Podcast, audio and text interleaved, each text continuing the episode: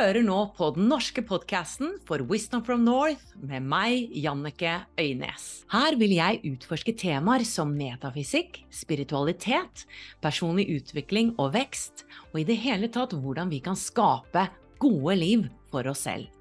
I Wisdom from North brenner vi for å hjelpe deg med å ta din spirituelle vekst til det neste nivået. Derfor samarbeider vi med noen fantastiske lærere og partnere som tilbyr gratis webinarer, klasser og meditasjoner. Gå til wisdomfromnorth.no slash gratis. Ansvarsfraskrivelse. Synspunktene og meningene uttrykket i denne podkasten tilhører gjestene og representerer ikke nødvendigvis de synspunktene eller posisjonene til Wisdom from North eller noen enheter de måtte representere. God fornøyelse! Ever catch yourself eating the same flavorless dinner three days in a row? Dreaming of something better? Well, HelloFresh is your guilt-free dream come true, baby. It's me, Kiki Palmer.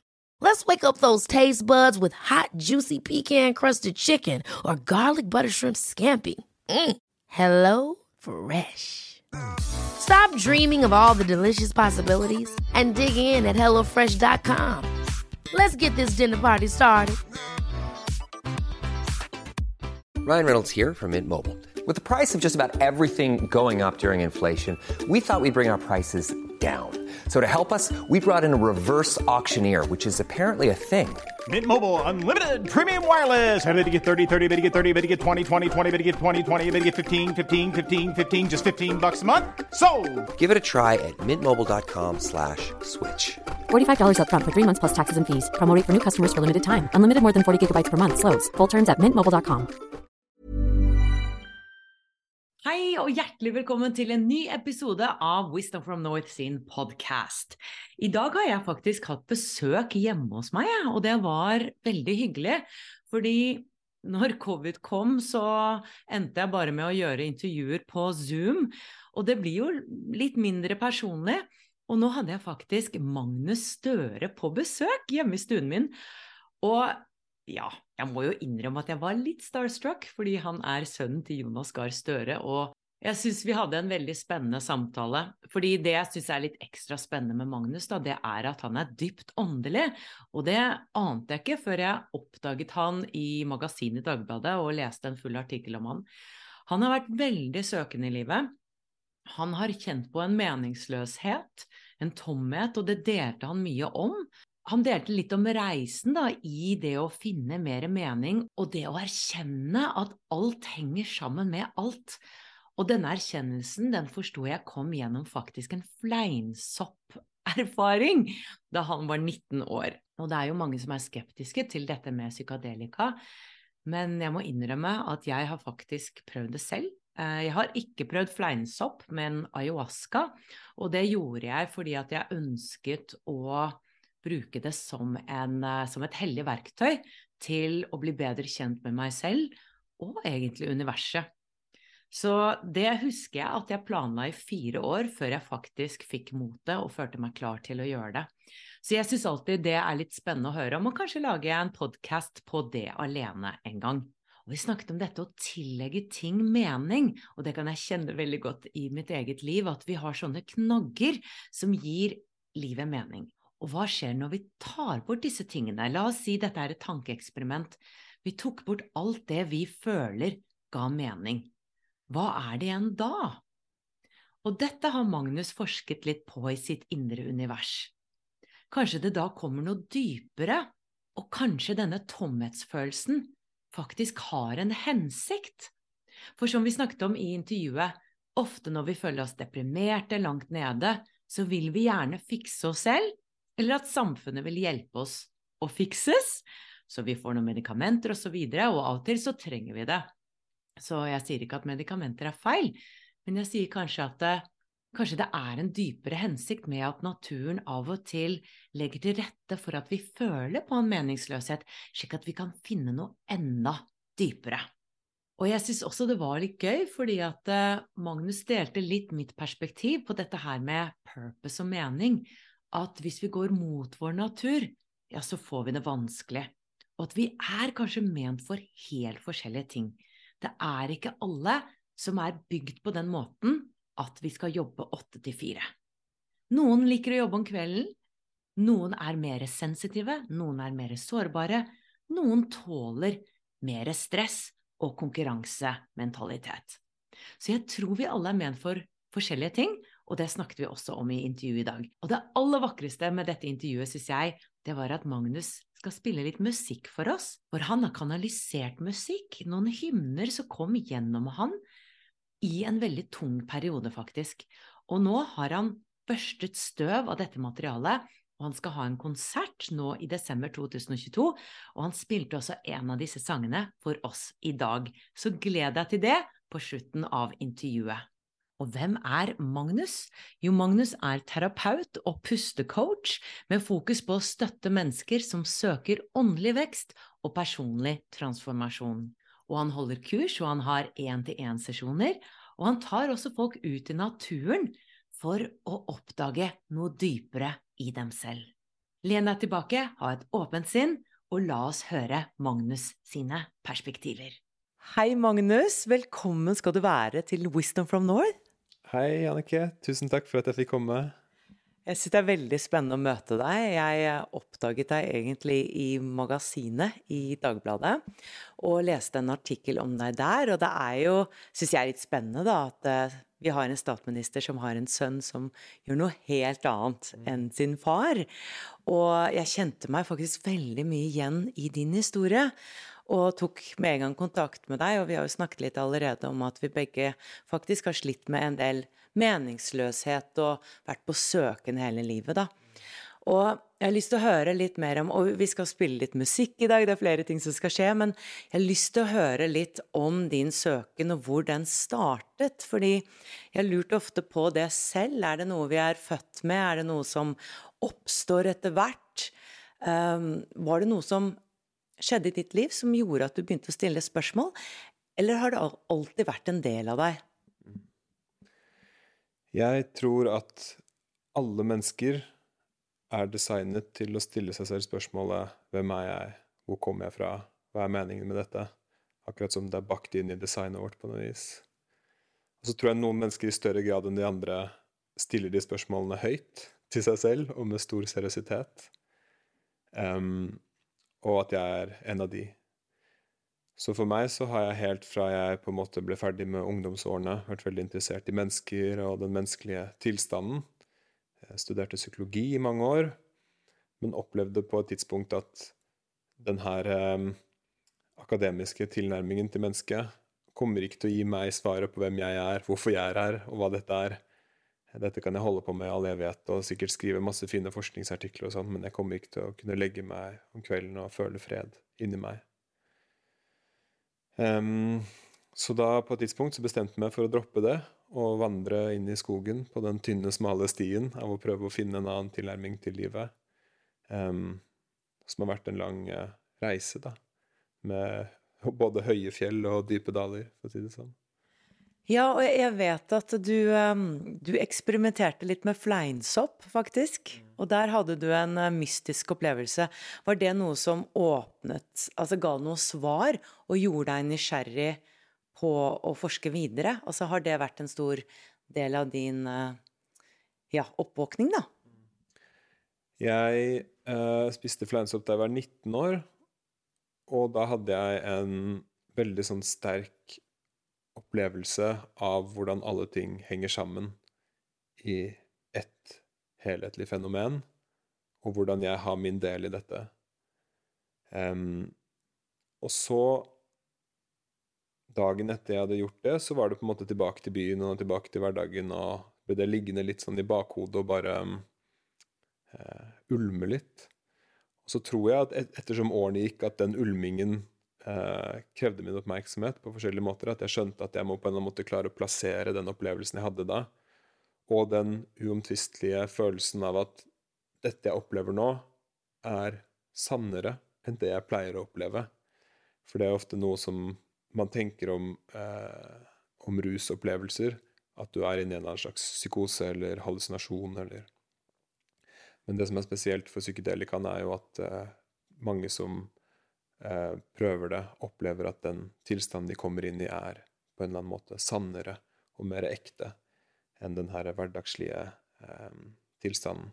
Så jeg hadde opplevelsen av at et sånt filter som jeg så verden gjennom, som var alle antakelsene mine om verden, ble tatt bort, og så at jeg kunne se verden sånn som den var. Og, og hvordan var verden, da? Utrolig vakker. Og levende. Alle ting levde og pulserte. og...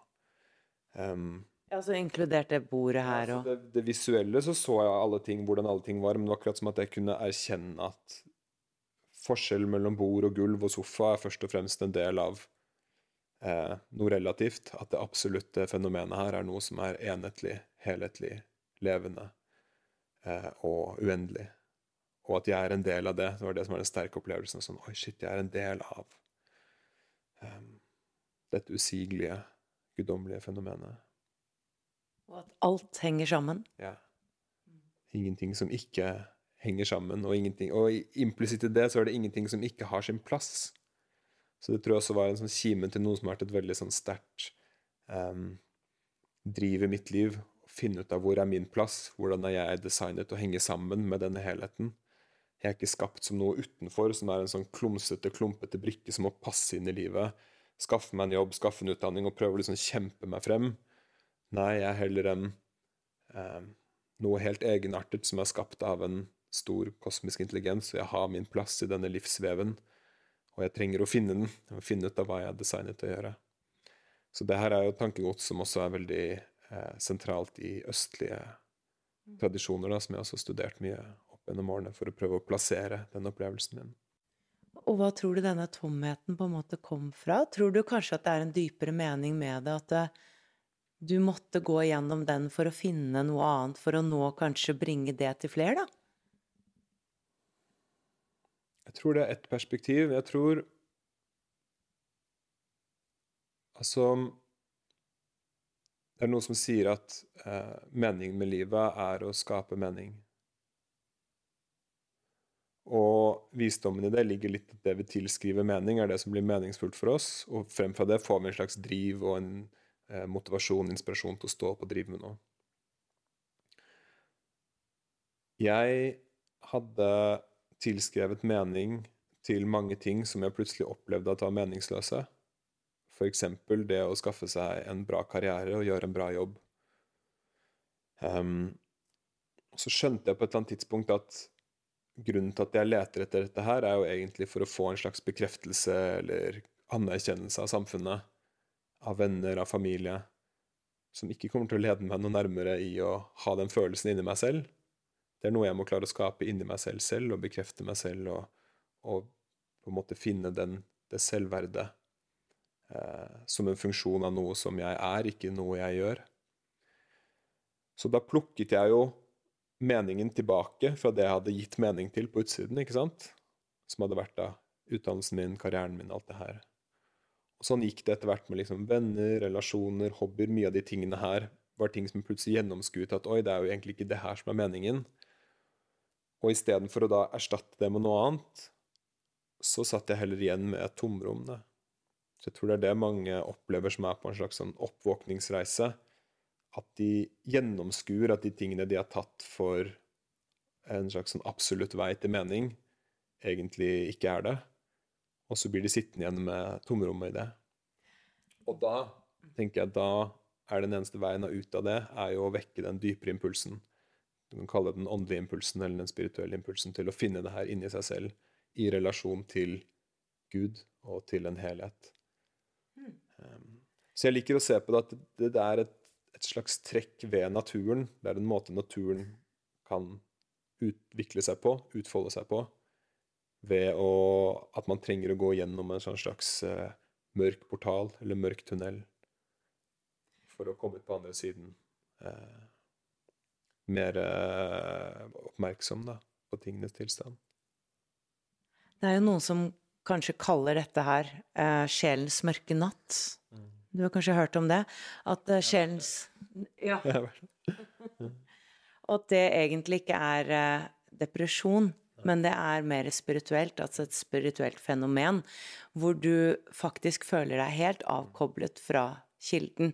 Selv om du kanskje har vært der og kanskje hatt uh, enten vært religiøs eller veldig troende eller spirituell, plutselig mister du all kontakt, føler du, da, og er helt alene.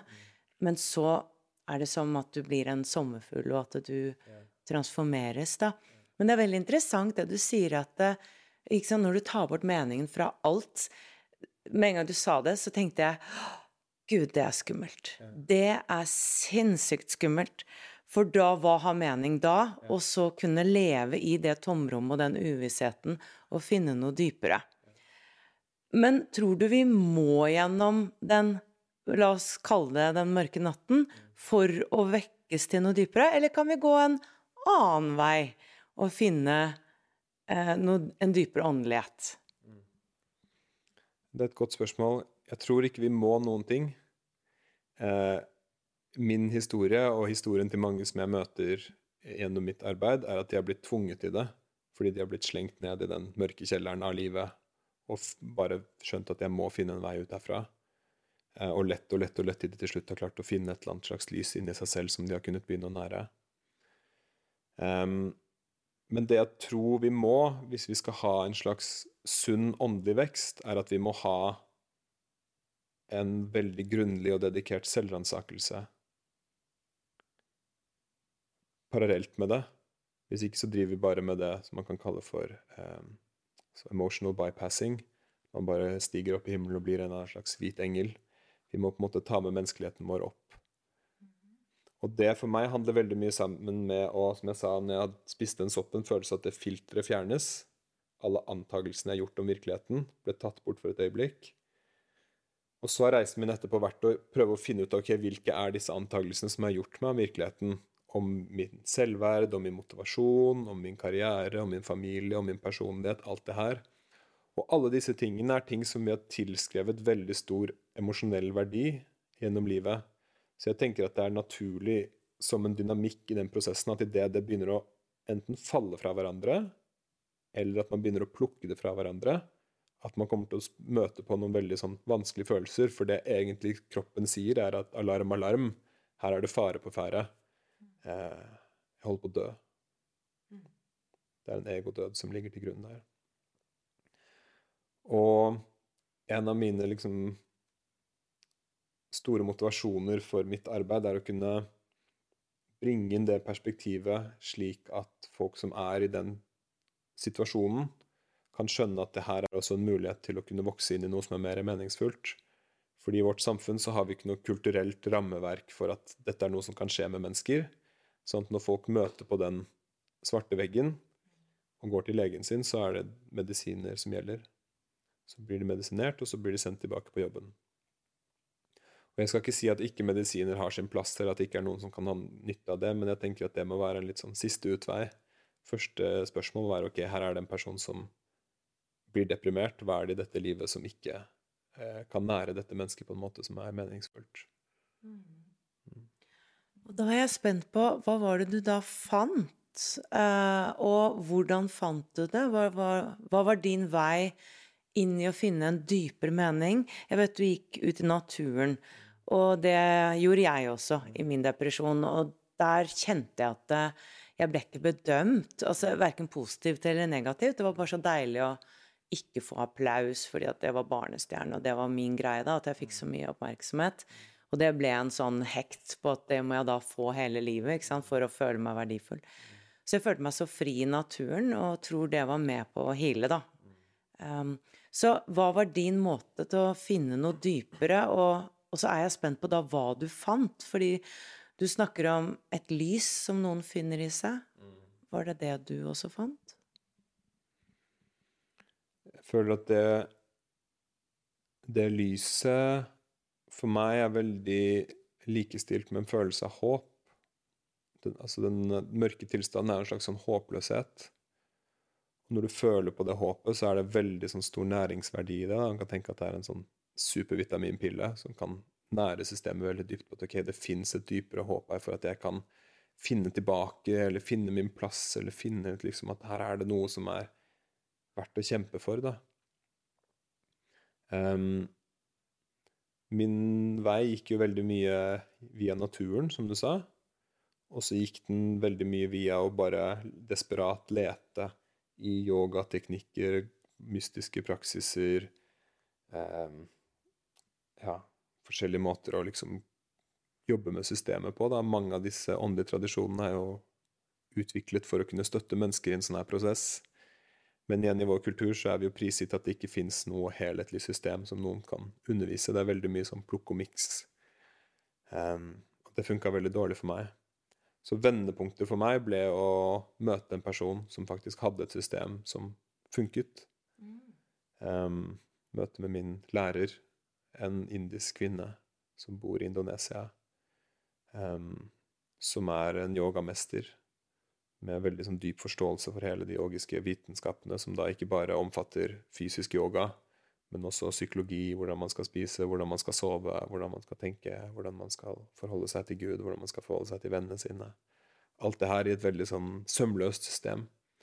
Så det var vel først da jeg møtte henne, at jeg følte at ok, yes, her er noe jeg faktisk kan ta tak i og begynne å jobbe med, og så hale meg ut igjen da, av det her mørke hullet. Så du fikk noen verktøy som du kunne bruke? Mm både verktøy, eh, men også et verdenssyn som var kompatibelt med den åndelige, mystiske virkeligheten, hvor ikke det blir noe annet enn dette, men hvor man ser at det her er en del av hele skapelsen.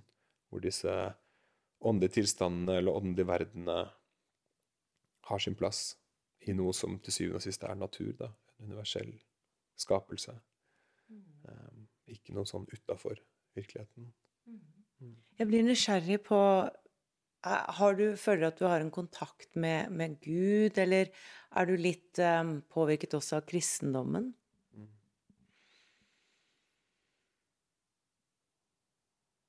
Så det er egentlig to spørsmål. Ja. Jeg svare på det hvis jeg kan svare på det første først. Gud for meg er ikke en, en person eller en ting man kan ha kontakt med. Gud er ikke den ene tingen og ikke den andre. Gud er summen av alle delene, og også større enn summen av alle delene, som er liksom virkelighetens sanne natur. Så kontakten med Gud opplever jeg at kommer først og fremst gjennom min eh, Når jeg klarer å minne meg selv på det jeg har erkjent, det jeg har erfart, og jobbe med å integrere det gjennom hverdagen min. Um, Så den, den, kontakten for meg handler mer om å finne en balanse inni meg selv enn å liksom være ha en åpen kanal til noe her ute, som er noe der ute som ikke er her inne, eller som, som har den her, det skillet ved seg. Um, mm. Ja, så du finner den kraften inni deg? Mm. Mm. Men det er også min kraft jeg finner inni meg selv. Mm. Så her, her, føler jeg vi må skille litt sånn Clinton og Vetten ved at det jeg føler at jeg vendte tilbake til og fant, var til syvende og sist meg selv. Så jeg sa i starten alle mennesker er designet til å spørre seg selv hvem er jeg, hvorfor er jeg her? Det handler om meg. Mm. Uh, og når jeg finner min plass, så føler jeg veldig mye er på plass. Implisitt i min plass i verden, altså min relasjon til Gud, eller det guddommelige, eller det helhetlige. Um, men veldig mye handlet om igjen å å klare å bruke de her vitenskapene som jeg ble undervist av min lærer, om å klare å skjønne hvem er jeg, hvordan var jeg designet for å leve, hvordan var kraften min laget fra min skapelse til å støtte et type liv og ikke et annet type liv. Jeg tror ikke min kraft, min livskraft, min energi var laget til å sitte på en PC og skrive forskningsoppgaver. Hvis jeg skulle drevet med det, så tror jeg jeg måtte drukket veldig mye kaffe og sannsynligvis blitt utbrent etter hvert, for det hadde ikke vært kraft til å drive det gjennom. Er du med på det bildet? Ja, fordi det jeg tenker da, at du sier at vi kanskje har en um, purpose, da, hver og en. Ja. Det er implisitt i det. Så i vår tid, det var noe jeg også vokste opp med veldig sånn Du kan bli hva du vil, hva vil du studere? Her er hele liksom katalogen. Eh, du er et blankt ark, du kan molde deg selv akkurat du, hvordan du vil. Og jeg tenker at det er noe fint i det, fordi at det gir barn en veldig sånn stor frihetsfølelse. Sånn yes, jeg kan faktisk følge drømmene mine. Eh, men i voksen alder så er jeg vel kommet til at vi er ikke Vi kan ikke bli hva vi vil. Vi er faktisk designet til å være noe veldig spesifikt. Og vi har et slingringsmonn ved at vi kan tilpasse oss, men hvis vi prøver oss på noe for langt utenfor det vi er designet til å være, så er sannsynligheten for at vi møter på eh, sykdom, enten fysisk shutdown eller også mentale problemer, ganske stor. For noen mennesker er laget til å kjøre på, liksom, og bare være et superkompetitivt miljø, og de får energi av det. Og andre mennesker kan ikke være på et sånt sted mer enn en uke før de blir utbrente. Um, så det tror jeg også er et sånt tankekors som jeg prøver å bære på og kommunisere i arbeidet mitt, at folk må vende litt tilbake til seg selv og, kjenne på hva de egentlig eh, trekkes til, for å finne da denne purposen, da, du sier. Ja, jeg syns det er kjempeinteressant, fordi jeg holder foredrag om det, og jeg er veldig opptatt av det, og det, det er det mye av mitt medlemskap handler om. og mitt signaturwebinar, så snakker jeg om det. Fordi jeg trodde jo min purpose var å være musikalskuespiller. Og apropos det der eh, konkurransemiljøet ikke sant? Jeg, jeg var altfor sensitiv for å være i New York og LA og prøve å bli skuespiller, da. Det var altfor tøft. og jeg tror det skaper så mye struggle uh, og kamp, det å jobbe mot sin natur. Ja. Fordi at vi tror at vi skal få det til. Hvorfor er ikke jeg god nok? Hvorfor kan jeg ikke bare ta meg sammen? istedenfor å den allow, altså tillate ja. seg selv å være seg selv. Og jeg har også tenkt på hvorfor i pokker klarer jeg ikke å ha Eller det virker som jeg ikke klarer å ha en normal jobb. Kan jeg ikke bare jobbe fra åtte til fire som alle andre? Ikke sant? Det har vært en enorm bedømmelse jeg har hatt mot meg selv. Kan jeg ikke bare ta meg sammen? Uh, og så er det bare et eller annet i meg som Ja, men jeg visner. Ja, ja nettopp. Mm. Mm. Så det her tenker jeg er så utrolig viktige samtaler å ha, for jeg tror det er så mange mennesker som sitter og visner, og så har de ingen speil på at sånn Du visner fordi du ikke får næring. Det er derfor du visner, for de tenker sånn Det er noe galt med meg, jeg må bare ah, få tak i sterkere kaffe, liksom, og sterkere snus, og så skal jeg komme meg gjennom den dagen her også. Um, men jeg tror ikke på at det er veien til noe godt. Og er det særlig gjennom pusteteknikker at du hjelper folk? For jeg vet at du tar folk eh, Du har noe som heter utesitting eller noe sånt. Ja. Og er det, er det, pusten du da jobber med folk med? Ja. Altså jeg er et veldig filosofisk menneske, så jeg har veldig mange tanker om hvordan ting er. Og brukt veldig mye tid på å gjøre meg erkjennelser om hvordan virkeligheten er. Og så i mange år så ble jeg veldig opptatt av sånn Dette er noe som må spres. Og så med en gang jeg begynte å prate om det, så skjønte jeg at sånn Det her går egentlig ikke an å prate om det her kan jeg skrive dikt om eller skrive en sang om, men jeg kan ikke undervise dette her som det skulle vært et eller annet tema folk kunne lære om. Det her er noe som først og fremst folk må oppleve selv, og derifra kan vi ha en samtale om det. Og vi kan snakke om hvordan opplevde du det, hvordan opplevde du det. Ok, spennende, her kan vi legge sammen et lappeteppe av forståelser. Um, så fra å prøve å liksom forklare folk veien til Gud, så har jeg egentlig endt opp med å ta med folk i skogen og få dem til å sitte under et tre veldig lenge alene uten å snakke med noen. Mm. Eh, eller å la de puste, bruke pusten sin til å, til å, komme i kontakt med seg selv. Og så kan vi heller ha samtalen som jeg sier, etterpå, når folk har noe selv, noe eget å bringe til torgs. Det syns jeg er veldig spennende. Eh, så stort sett så er det sånn at jeg er ute på fra april til oktober, og så inne fra oktober til april. Det blir jo litt sånn her til lands. Wow, spennende. Og vi snakket litt om uh, noe jeg syns er litt interessant, som jeg har oppdaget i mine intervjuer. Det er at uh, jeg var på jakt etter den, etter den, røde tråden. Og at vi kanskje hadde like opplevelser, og at jeg etter hvert kunne si at ja, men ok, det du opplever nå, det er sånn og sånn. Og det betyr sånn og sånn. og jo mer spørsmål jeg stilte, jo flere spørsmål fikk jeg. Og jeg nesten ga opp litt en stund og ble litt irritert. Det var egoet mitt som ble litt irritert, da, men så skjønte jeg at dette er så mye større. Um, og så oppfatter jeg, og, eller tror jeg, og det er en slags sånn konklusjon akkurat nå, da, at Gud eller universet snakker til oss på veldig forskjellige måter hele tiden. At reisen vår er så utrolig unik. Og det er også etter døden, de som har hatt nær døden-opplevelser. Det er noen fellestrekk. Noen møter tunnel, men det er veldig mange som ikke gjør det. Og man blir også møtt på individuelle måter. Uh, og det er jeg så Jeg, jeg syns det er kult, fordi at det, det for meg vitner om hvor viktige vi er. Um, og at det er ikke så mange fellesnevnere, egentlig. Og at da gjør det også det vanskelig for oss å komme til en konklusjon. Hva handler dette om at du var gjennom det? Hva handler det om at jeg sliter med sånn og sånn? Ja. men skal vi bare overgi oss, da? Nei, men jeg tror vi må klare å legge fra oss det her tankesettet om at Millions of people have lost weight with personalized plans from Noom, like Evan, who can't stand salads and still lost 50 pounds. Salads, generally, for most people, are the easy button, right? For me, that wasn't an option. I never really was a salad guy. That's just not who I am. But Noom worked for me. Get your personalized plan today at Noom.com. Real Noom user compensated to provide their story. In four weeks, the typical Noom user can expect to lose one to two pounds per week. Individual results may vary. Hvis vi klarer å sette to streker under noe, da har vi funnet svaret. Eh, Jeg tror det er en stor illusjon. Jeg tror heller det er motsatt. Og det er også mye av mitt arbeid handler om å prøve å vekke til live denne delen av oss. Vi kan kalle det den intuitive delen, eller den mytologiske delen av oss, som kan forstå noe som er veldig komplekst og paradoksalt og abstrakt og diffust, og fortsatt ekstrahere noen form for mening fra det.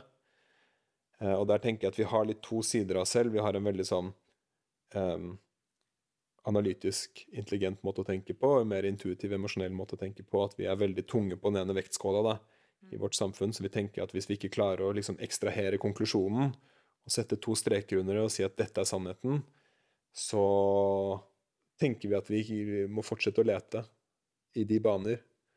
Mens min opplevelse er at eh, når det kommer til mer de åndelige aspektene av virkeligheten, så må en annen type tankesett til, en annen måte å føle og tenke på. Som handler veldig om, som du sa, at hver person har sin personlige relasjon til skaperverket og til Gud. Som impliserer at hvert menneskes vei, hvert menneskes sannheter, hvert menneskes perspektiver, perspektiver vil være forskjellig inntil de treffer enheten, som vil være den samme for alle. Så du stilte meg tidligere spørsmålet om min relasjon til kristendommen.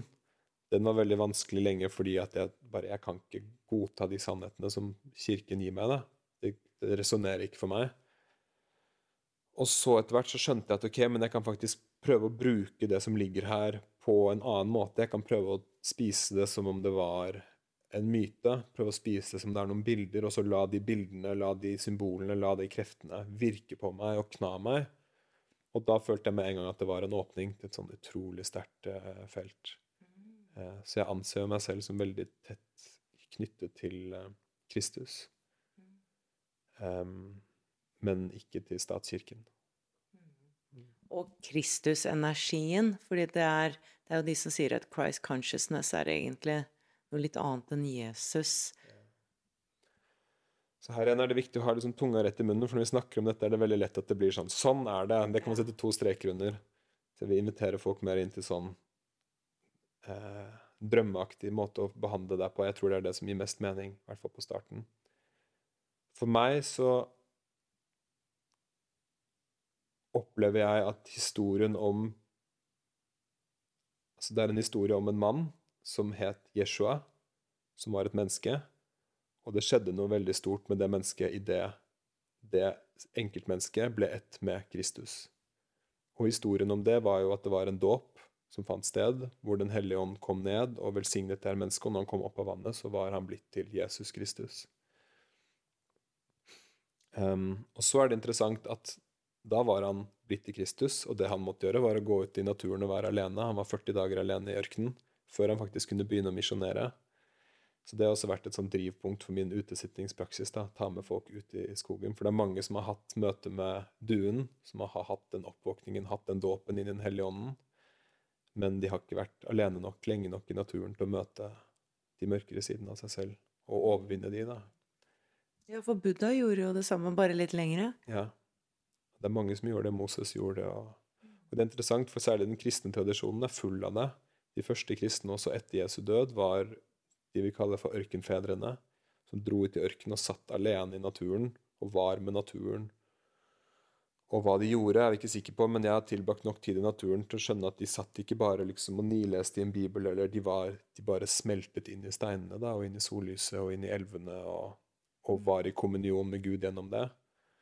Og så opprettet de klosteret liksom i nærheten av der hvor de her ørkenfedrene satt. Og så gikk de ut og spurte ørkenfedrene hva har du funnet ut av nå. Og Så fortalte han det, og så gikk de tilbake til klostrene. Og så ble kristendommen til, den tidlige kristendommen ble til ved at klostrene prøvde å liksom systematisere de her erkjennelsene som utesitterne hadde hatt. Da. Det her visste jeg ikke. Det er ganske spennende. Eh, det her var en praksis som også var veldig viktig for vikingene. Og under kristningen av Norge så ble den ulovlig. Det ble ulovlig å være ute i naturen alene hvis ikke du kunne bevise at du skulle hugge ved eller hente vann, eller fordi det ble sett på som så kraftig åndelig verktøy, da, men igjen en personlig åndelighet som ikke sømmet seg hvis du skulle prøve å indoktrinere et helt land. Wow. Så det er jo noe å hente opp Ja. der, da. Ja, jeg syns jo nordisk mytologi er veldig spennende også. Jeg tror det er mye der også som vi har gått glipp av. Ja. Så for meg, jeg pleier å Sånn som jeg For å bare avslutte det her med Kristus-energien um, så, så det jeg pleier å føle på selv, er at Kristus er det aspektet av helheten som kan levendegjøres i menneskelig form. Man kaller det det høyeste uttrykket av den menneskelige formen før eh, begrensningene ved å ha en kropp eh, avtar. Um, men det er også et navn som har en slags kulturell kontekst. Du finner jo andre kulturer hvor de har andre navn på det. Og... Men jeg tror også det er viktig Jeg har vært viktig for min egen del å være åpen til at det var noe spesielt med Veldig spesielt med Kristus-eventet. da, At Jeshua kom og ble til Kristus, og hele historien fra det. Og at vi fortsatt lever litt i liksom Hva heter det Etter av den eksplosjonen. Vi helt ikke klarer å putte på plass og skjønne hva det var som egentlig skjedde. Jeg har også kommet litt tilbake til kristendommen, men på en annen måte. Eh, Jeg har en litt mer mystisk tilnærming til det. Og eh, har vært veldig opptatt av Maria Magdalena en stund også.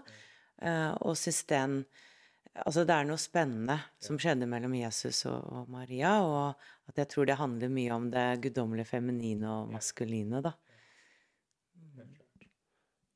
Det har også vært en viktig del for meg. Det var sånn jeg fant tilbake til kristendommen eh, gjennom en dansk mystiker som heter Lars Muhl. Han er en tid. Ja, har du det? Ja. For han snakker mye om det, den, det han kaller for den arameiske språkpsykologien. Hvor han snakker om at vi, vi tror når vi leser Bibelen, at hvert ord bare betyr én ting, og det er bare det ordet det betyr. Mens hvis du ser på hvordan arameisk er designet, så er egentlig hvert ord ment for å bety 30-40 forskjellige ting. Sånn at det kan være en portal for at hvert menneske som leser den hellige teksten, kan forstå det på den måten det mennesket trenger å forstå det på når han leser det der og da, for å være en åpning inn til det guddommelige. Eh, så det var sånn Å ja, ok. Er det mulig? Da plutselig begynner ting å gi mening. Ja. Igjen til det unike, tilbake til det. Um, men han skriver jo også mye om Maria Magdalena. Og for meg har også Maria, Jesu mor, vært en viktig figur. Um, Hvor tror du, nå hopper jeg litt, hvor tror du menneskeheten er på vei nå? Tror du at det er en kollektiv oppvåkning som skjer, og at dette med covid hadde en dypere årsak? Det er jo veldig mange som kanaliserer dette her og sier 2012, ikke sant, at vi var i et skifte osv. Tror du også det? I de lange linjene så tror jeg at vi er At planeten er på vei til å våkne. Jeg tror ikke menneskene er noe annet enn planeten. Vi er bare celler på en levende planet. Eh, Og planeten vår er på vei til å våkne, først og fremst gjennom oss. Det er en prosess som har skjedd i mange tusen år. Det har vært tidligere sivilisasjoner før oss som har hatt veldig høy bevissthet. Og det her går i bølger. Men jeg tror det er veldig spesielt akkurat den tiden vi lever gjennom nå, særlig gjennom teknologi, at mye av de teknologiene, praksisene, kunnskapene som før har vært beskyttet inni sant, templer og klostre, hvor du måtte dra dit, bo der, initieres, leve lenge før du kanskje fikk vite noen ting liksom dypere om, om virkelighetens eh, natur, så får folk det rett i trynet nå. Jeg tror det gjør noe med folk. Så tror jeg også at det skjer noe inni menneskene som en del av det. Um, at det er en spennende tid. I min sånn Jeg prøvde å føle inn mye inn på liksom hvilken vei er menneskene på vei, og det jeg lever veldig etter, er at vi lever alltid med mange mulige tidslinjer fremover i tid.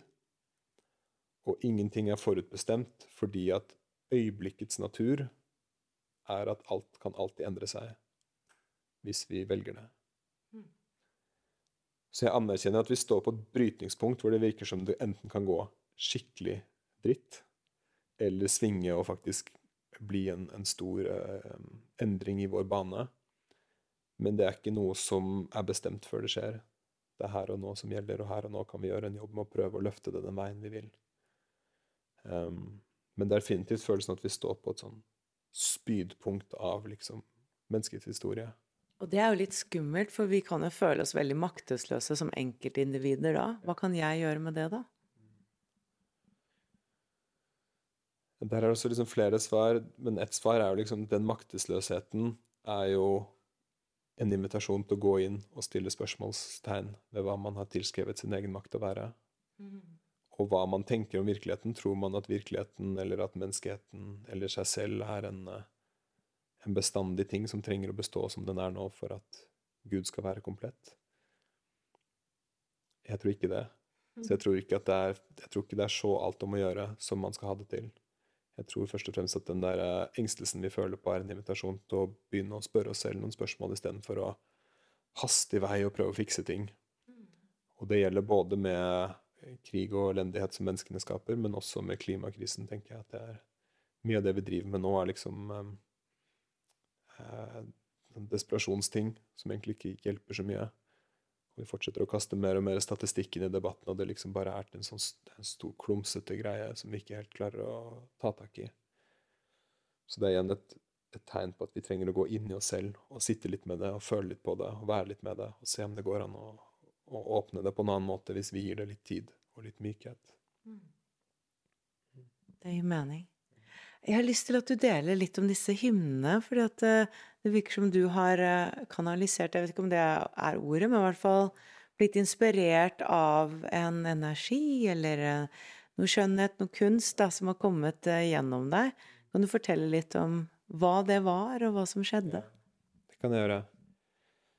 Så jeg hadde jo en periode i, livet mitt eh, da jeg var veldig eh, motløs og retningsløs. Visste ikke helt hva jeg skulle, eller hvor jeg skulle. Og hvor denne tilstanden var liksom brutt opp av sånne korte opplevelser av sånn total ekstase og, og sammensmeltning med det guddommelige. Så det var en veldig forvirrende tid hvor jeg var veldig dysfunksjonell i sånn samfunnsøyemed. Da. det var vanskelig for meg å hente barn i barnehagen og vanskelig å gå på butikken. Jeg følte bare at det var sånn, jeg, jeg kan ikke forholde meg til noen ting annet enn bare at jeg er en eh, malstrøm akkurat nå. Hvor lenge varte den tilstanden? Um, det var vel et år eller to hvor det her pågikk sånn av og på, da. Mm. Uh, og det eneste lyspunktet jeg hadde den tiden, det var at jeg hadde funnet tilbake til gleden min over å synge og spille. Fordi jeg hadde kommet i kontakt med noen som drev med mantrasang.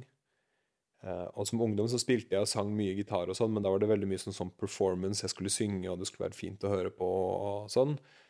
Men i hengivenhetspraksis så er det ikke noe viktig hvordan det høres ut. Det viktige er at du klarer å gi hjertet ditt inn i praksisen. Så lyspunktet mitt i den tiden var at en gang i uken så var vi en gjeng som samles hjemme hos oss og sang i tre timer og bare kunne liksom gi oss selv til det, og all smerten vi hadde, all frustrasjonen vi hadde, kunne vi bare åh, la komme ut i disse vakre melodiene og sangene.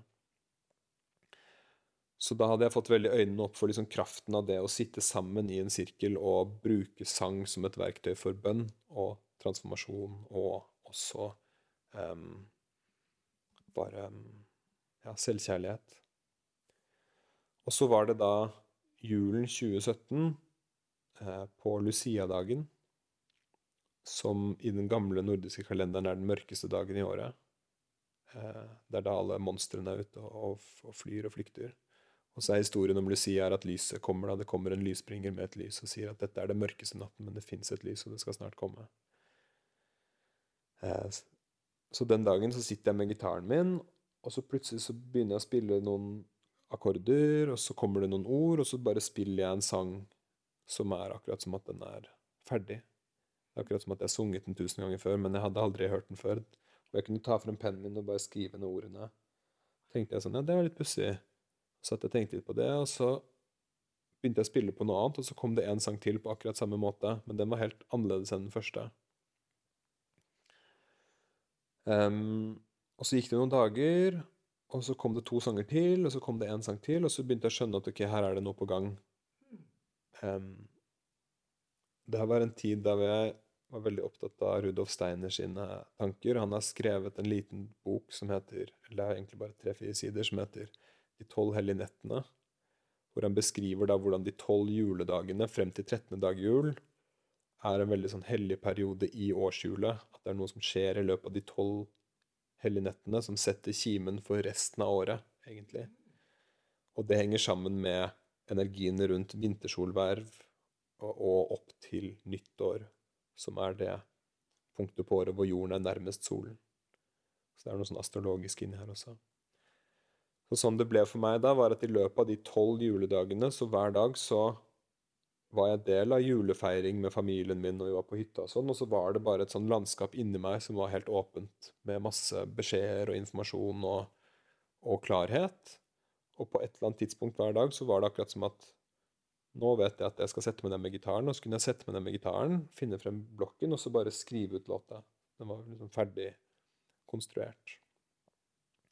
Eh, som da til slutt manifesterte seg i da en bok med 19 hymner over temaet åndelig oppvåkning og eh, personlig vekst, personlig transformasjon, i lys av julemysteriet og Kristus-energien. Og nå har du også en kommende konsert i 2022. Og nå, det er fem år siden. I mange år så lå den boken bare i en skuff. Og jeg var sånn, det, jeg vet ikke hvordan jeg skal forholde meg til den boken. Den, det var en fin opplevelse, liksom, men den får bare ligge der enn så lenge.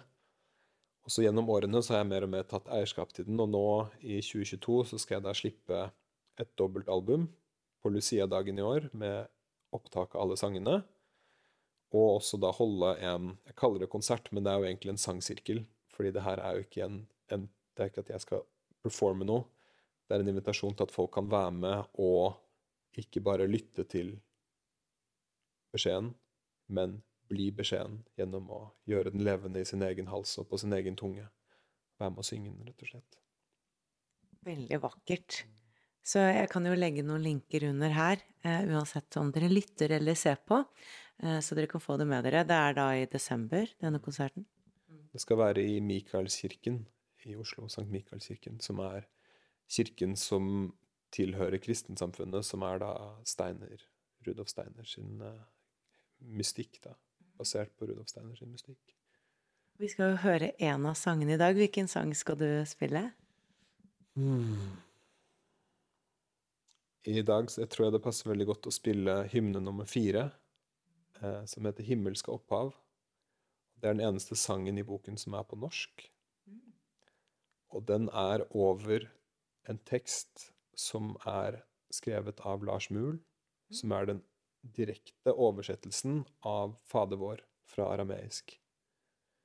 Eh, så Fader vår var jo da snakket på arameisk av Jesus, og så har det blitt oversatt hvor mange ganger til latin og tysk og norsk og ditt og datten, og så fortsatt nå driver vi og oversetter den og flikker på den og ordner på den.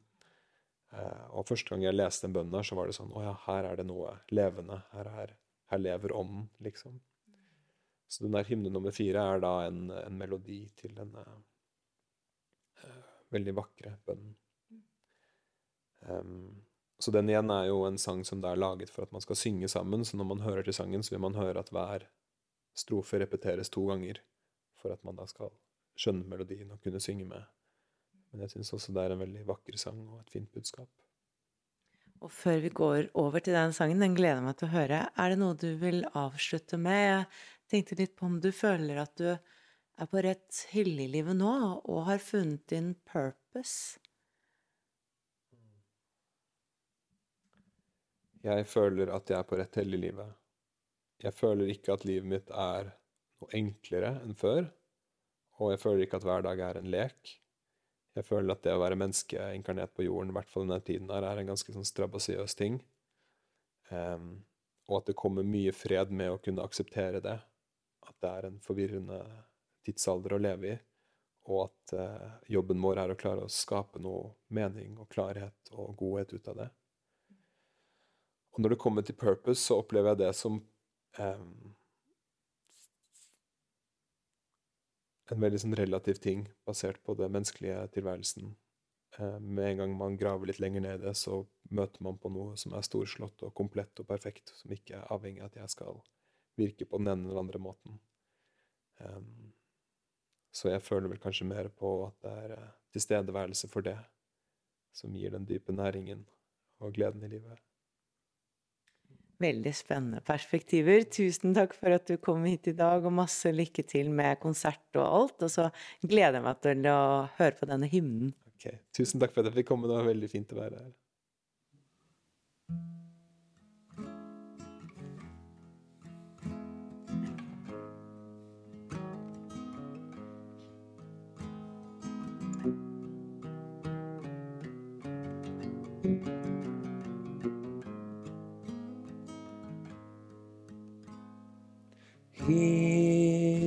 Himmelske opphav, du som er overalt. Helliget være ditt navn, komme ditt rike. Himmelske opphav, du som er overalt. Helliget være ditt navn, komme ditt rike. Skje din vilje her og nå. I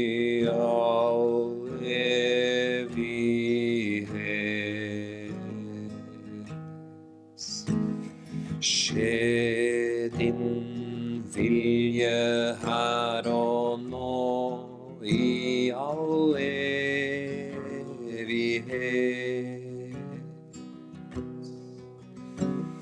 Åpne våre hjerter for medfølelsens kraft.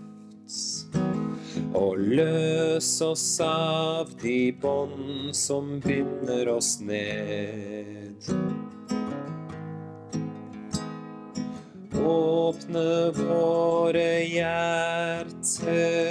For medfølelsens kraft.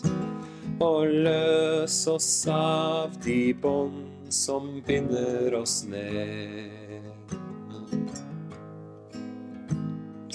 Led oss ut av fristelsen, befri oss fra oss selv.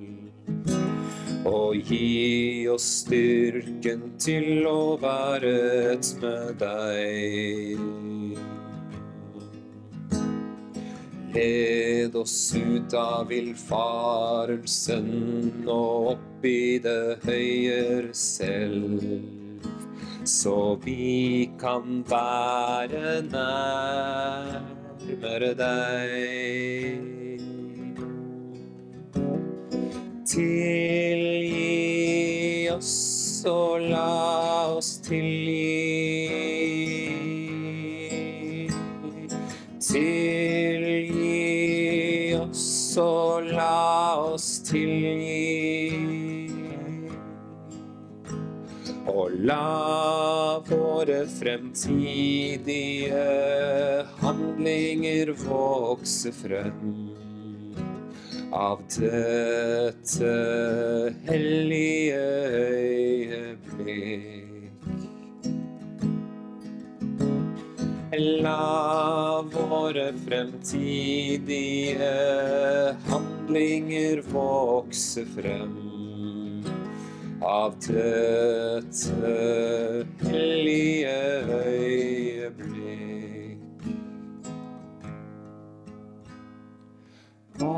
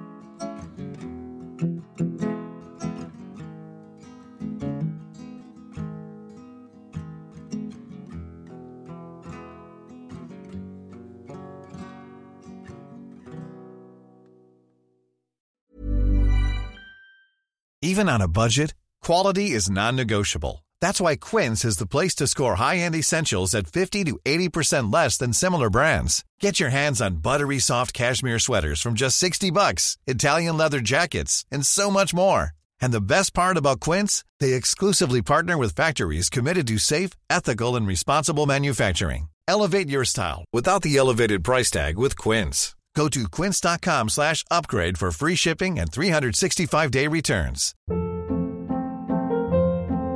Hold up. What was that? Boring. No flavor. That was as bad as those leftovers you ate all week. Kiki Palmer here, and it's time to say hello to something fresh and guilt-free. Hello Fresh. Jazz up dinner with pecan-crusted chicken or garlic butter shrimp scampi. Now that's music to my mouth. Hello Fresh. Let's get this dinner party started. Discover all the delicious possibilities at hellofresh.com.